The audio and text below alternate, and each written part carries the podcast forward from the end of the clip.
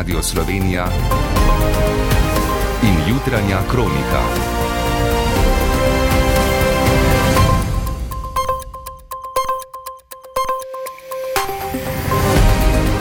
Ura je sedem.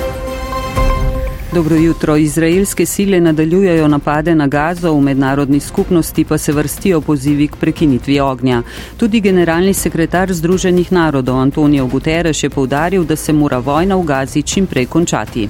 People are dying not only from bombs and bullets. Po njegovih besedah prebivalci Gaze umirajo ne le zaradi bomb in metkov, ampak tudi zaradi pomankanja hrane in pitne vode ter bolnišnic brez elektrike in medicinske opreme. Svet je ob tem pozval k okrepitvi prizadevanj za mir in povdaril, da morajo vsi priznati pravico palestincev do lasne države. V odaji tudi o tem.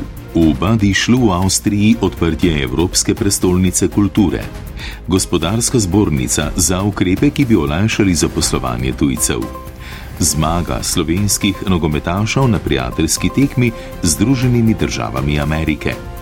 Pretežno jasno bo, zjutraj mrzlo in ponekod po nižinah megleno. Z vami sva Dejan Kaloper in Biljana Polak. Vojna v Gazi, ki divja že 106. dan, je doslej zahtevala skoraj 25 tisoč življenj, ranjenih je več kot 62 tisoč 300 ljudi. V svetu se slišijo vse glasnejši pozivi k sklenitvi premirja, v prizadevanjih za končanje vojne se spet pogosto omenja rešitev dveh držav, Izraela in Palestine. Za njo se zauzemajo Združene države Amerike, Evropska unija in Združeni narodi. Izraelski premijer Benjamin Netanjahu pa ustrajno zavrača možnost njene uresničitve. Matej Hrastar. Zahodni politiki in diplomati to besedno zvezo ponavljajo kot pokvarjena plošča, saj je v nekem trenutku zgodovine rešlo za idejo, ki se je zdela uresničljiva in ki bi v teoriji lahko zagotavljala trajen mir na nemirnem bližnjem vzhodu. Še najbliže temu je bila mednarodna skupnost v 90-ih letih po podpisu sporazumov iz Osla med Jaserjem Arafatom in Jicakom Rabinom. Za svoje prizadevanja sta prejela Nobelovi nagradi, Rabina pa je leto zatem umoril izraelski desničarski skrajnež. Neuspela pogajanja v Camp Davidu leta 2000 so to rešitev tudi dokončno pokopala in sprožila nove kroge nasilja, ki z aktualno vojno doživlja vrhunec. Omenjena mirovna epizoda je izjema v pravilu izraelsko-palestinskih odnosov, ki jih v najboljšem primeru zaznamuje nezaupanje, bolj pogosto pa globoka mržnja. Vrh izraelske politike je z Benjaminom Netanjahujem na čelu pri zavračanju te rešitve vsaj iskren. Zahodni voditelji pa kot bi držali glavo v pesek ustrajajo, da je to edina mogoča rešitev, čeprav se vsakič znova izkaže, da je neizvedljiva in to z vsakim dnem bolj.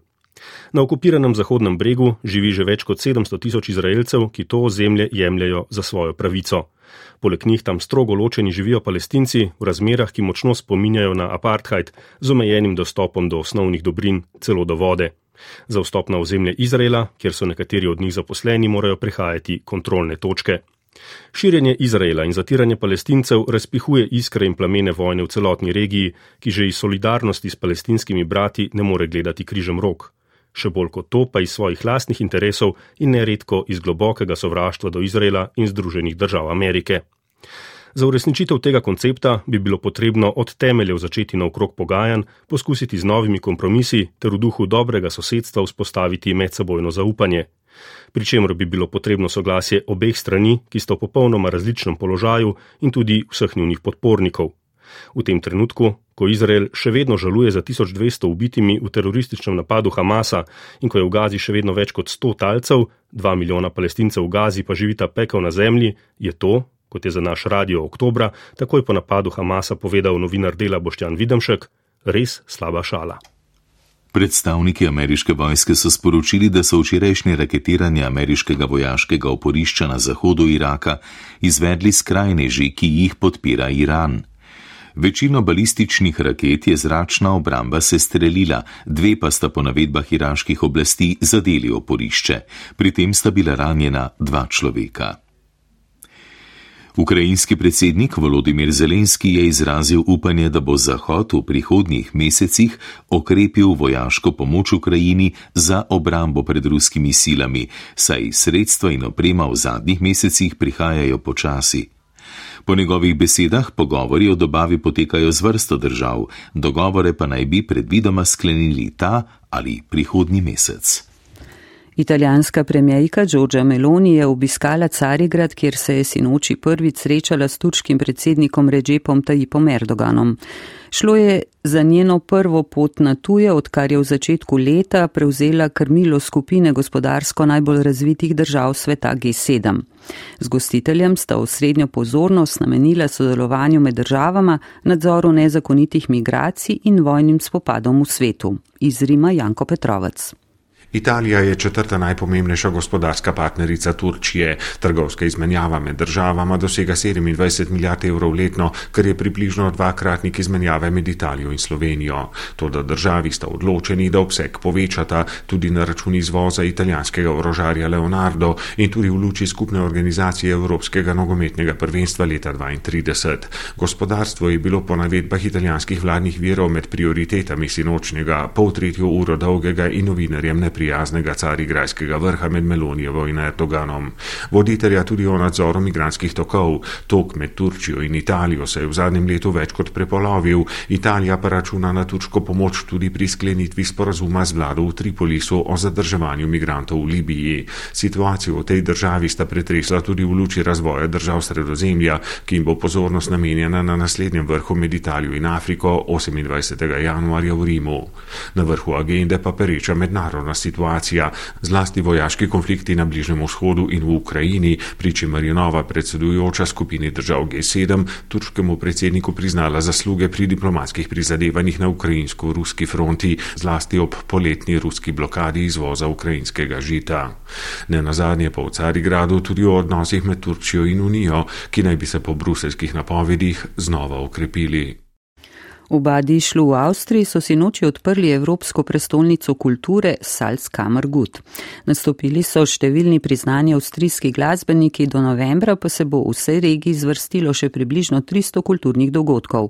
Odprtja se je udeležila tudi ministrica za kulturo Asta Vrečko in delegacija iz Nove Gorice, poroča Petra Kozgnamuš.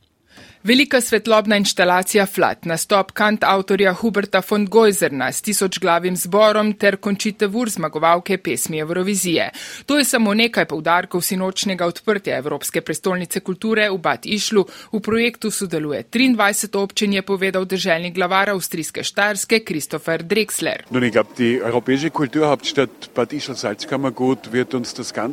Evropska prestolnica kulture Salzkammergut bo v Gorni Avstriji na Štajerskem poskrbela poskrbela za veliko porcijo kulture. To je skupni projekt in upam, da se prihodnje leto spet vidimo v Novi Gorici. V luči prihajajoče Evropske prestolnice kulture Nova Gorica in Gorica pa se je odprtja udeležila tudi ministrica za kulturo Asta Vrečko. Tudi vsaka izkušnja seveda.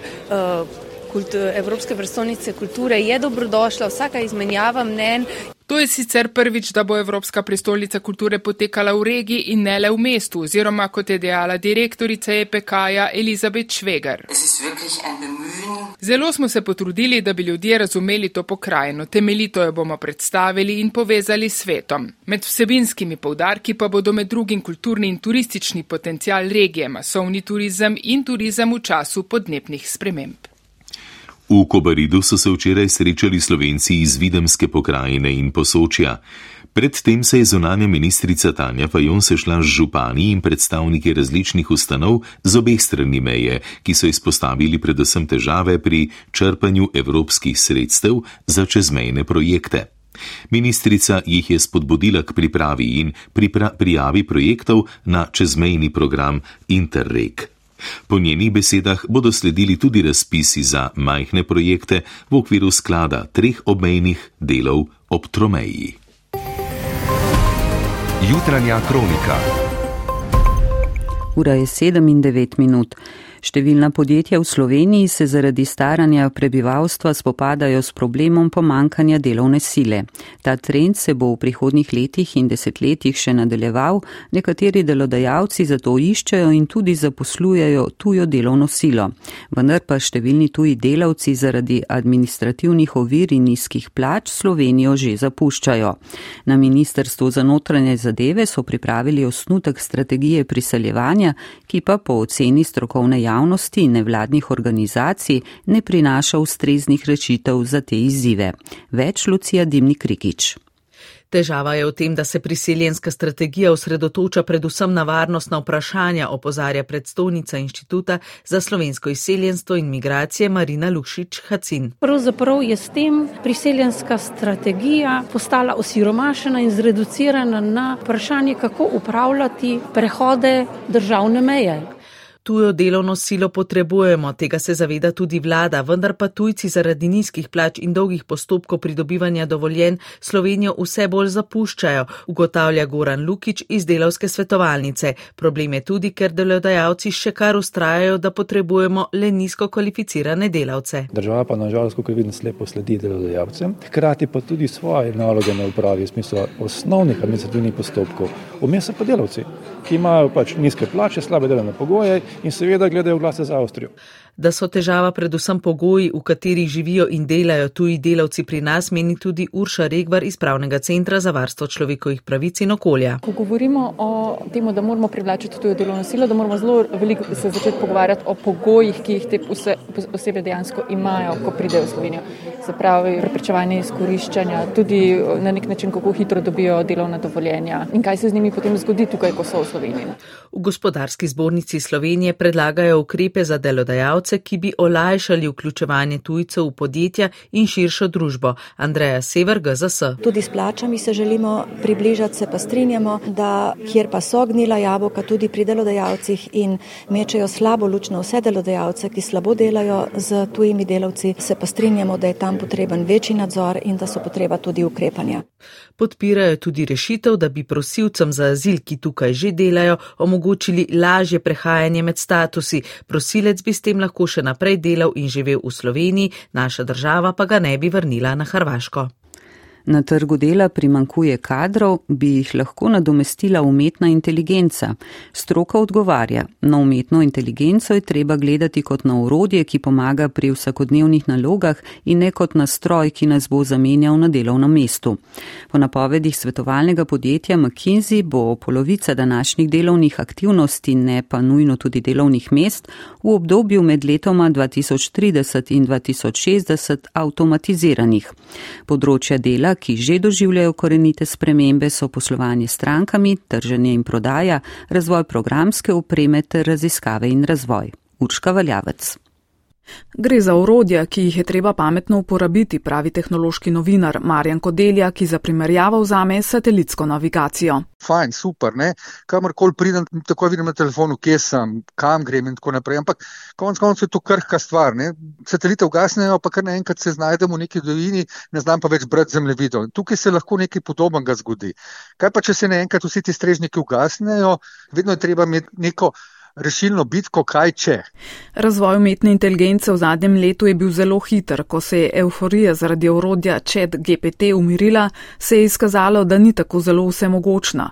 Tako kot ni na mestu euforija, ni na mestu niti zanikanje sposobnosti. Kot vedno se juhanje pojeto kroče, kukar se skuha in tudi v tem primeru se bo počasi začele stvari skricializirati v tisto smer, katero naj bi to šlo. Zdaj, kam bo pa to šlo, bojim se, da tega nihče ne ve. Kaj ti ena stvar je, kaj mi pričakujemo, kaj pričakujejo izumitelji, nekaj čist drugega je pa, kako bojo ta urodja, ki so zdaj kar naenkrat proste na trgu, uporabili delodajalci. V tem trenutku nam umetna inteligenca bolj pomaga pri delu, kot pa da ga prevzema. Strokovni direktor Mednarodnega raziskovalnega centra za umetno inteligenco Marko Grobelnik kot enega najbolj uporabnih primerov izpostavi razvoj Microsoft Office. Tim si bojo imeli modul, ki bojo poslušali in bojo naredili zapisnik sestanka. Recimo, eh, ali pa bomo zamudili na sestanek, ne pa nas bo Teams obvestil, kaj smo zamudili, kaj so se do takrat pogovarjali. Grobelnik meni, da bo bližna prihodnost na področju umetne inteligence prinesla napredek na področju razvoja slik. Velik premik bo tudi, mogoče še ne v letu 2024, ampak k malu, na področju kreiranja filmov. Na naši televiziji so si noči premjerno predstavili pesem Veronika, s katero bo pevka Rejven zastopala Slovenijo na Euroviziji.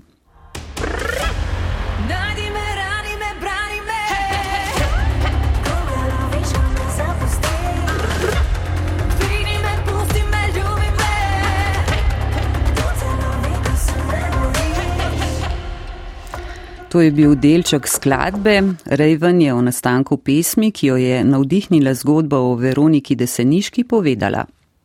Snemanje in nastanek te skladbe je bil tako zelo dolgotrajen proces. Nastala je v bistvu prvi demo, je nastal v moji roza sobici doma, kjer ustvarjam eh, svoje pesmi, potem pa je to še pol leta trajalo, preden se je ta komat eh, nekako dobil končno formo.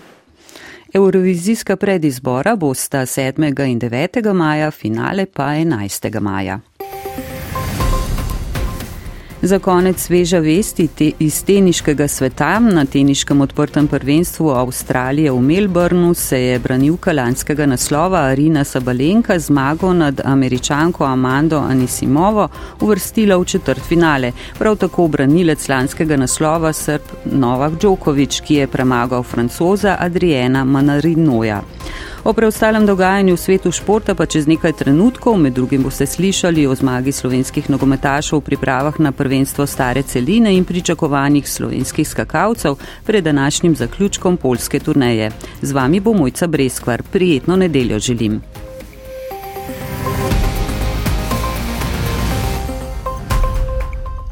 Na rokometnem evru sta se v Kelnu Avstrija in Nemčija rešli z neodločenim rezultatom. Na vrhu skupine je Francija, v Hamburgu Slovenijo čaka nizozemska. Obe reprezentanci sta še brez zmage na tem prizorišču. Morda bosta znova nastopila Blagotinšek in Kodrin, pred popovdansko tekmo kapetan Jure Dolenec.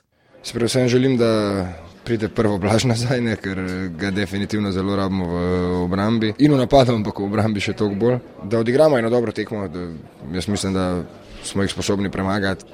Kaj nam bo zdaj to prenesel, pa bomo pa videli, ne, zbrati največje možno število točk, kakšni bojo krogi, kako se bo vse, ne vem, vse na koncu. V tej okrnjeni zasedbi, če bi nam uspelo končati vem, na sedmem, osmem mestu, mislim, da bi bil to kar lep rezultat. Marsikdo nas je pred prvenstvom pošiljal domov po prvem krogu. Ne. Tekma se bo začela o 15.30 minut. Rokometašice Krima so v Ligi prvaki v Budimpešti z 28 proti 26 premagale Ferenc Varoš. Pri Ljubljančankah se je 16 obrambami izkazala vratarka Maja Vojnovič, po tekmi Tamara Mausar. Res smo se borili do zadnje sekunde, Maja je celo z glavo branila tisti ključni strel, tako da um, čestitam sem nam in gremo naprej. V večini prvoligaška slovenska nogometna reprezentanca je sinoči z ena proti nič dobila pripravljalno tekmo v San Antoniju proti ZDA. V prvem polčasu je edini gol za prvo zmago na tretji medsebojni tekmi dosegel Nec Gradišar. Pa imeli smo nekaj dobrih akcij. Uh... Američani so dobro igrali, ampak mi smo bili potrpežljivi in probali uh, zabiti gol preko kontrnapada. S posamično tekmo, na kateri bo nastopilo pet slovencev, se bo v Zakopanah končala polska ekipna turneja smučarjev skakalcev. Prednost Slovenije pred Avstrijo je po ekipni tekmi skopnila na manj kot tri točke. Anžela Nišek se v Zakopanah počuti vedno bolje. Z vsakim skokom se bolj začutim tudi tukaj. Um, mogoče sem se ščirko še bolj, ampak ne glede na vse, se mi zdi, da, da je to kar v redu. In, uh, ja, treba, treba se samo umiriti in uh, je dan za uživanje. Že pred skakalci bodo tekmovale skakalke, ki jih v ZAV čaka zadnja preizkušnja na tem prizorišču. Alpski spored tega tedna se bo končal slalomoma v Jasni in Kitzbilu. Ženska tekma bo minila brez zvezdnice Petre Vrhove, ki je zaradi strgenih križnih vezi že končala sezono. Tekmovale bodo tri slovenke, Andreja Slokar, Ana Bucik in Neja Dvornik, ki je bila včeraj najboljša od naših na veleslalomu. Si želim iti na tekmo brez pričakovanj in pač v danem momentu potegniti ven iz tekme največ, kar se da. Na moškem slalomu v Kitzbilu bosta na startu z visokima številkama tudi Štefan Hadalin in Tijan Marovt. V Anterselvi bosta za biatlonce tekmi elitnih 30-teric skupinskim startom. Znova bo med najboljšimi nastopila Ana Marija Lampič. Drugi skupinski start uh, za me, tako da se ga zelo veselim. Bo pa definitivno zelo težko, ker sem imela res kar uh, težke noge, tako da jaz upam, da se bom čim boljši in čim hitreje zregenerirala. V moški konkurenci bo slovenske barve zastopal Jakov Fak, ki zaradi bolečin v hrbtu ta konec tedna še ni tekmoval. V Pamporovem se bodo čez eno uro začele kvalifikacije paralelnega slaloma deskarjev na snegu, po včerajšnjem šestem mestu na novo vrhunsko uvrstitev cilja Žanko Šir nadaljujem s konstantnostjo. To je v bistvu že moj eh, šesti dosežek, oziroma vse tekme sem končal v najboljši deseterici v letošnji sezoni, tako da nova tekma naslednji teden pač se pa vidimo doma na Ravgli. Od slovencev bodo tekmovali še Gloria Kotnik, Rok Marguč in Tim Mastnak. V Montroju na namiznoteniškem turnirju najboljših 16 igralcev v Evropi se je Darko Jorgič uvrstil v polfinale. 4 proti 2 v nizih je premagal Antona Kalberga. Bom rekel, solidno igro uvrstitev v polfinale in uh, vsekakor pa za osvojiti turnir ali pa za preboj v finale potrebno narediti še korak naprej. Jorgičev nasprotnik v polfinalu bo Marko Šfrajtaš. Poslušali ste jutranjo kroniko.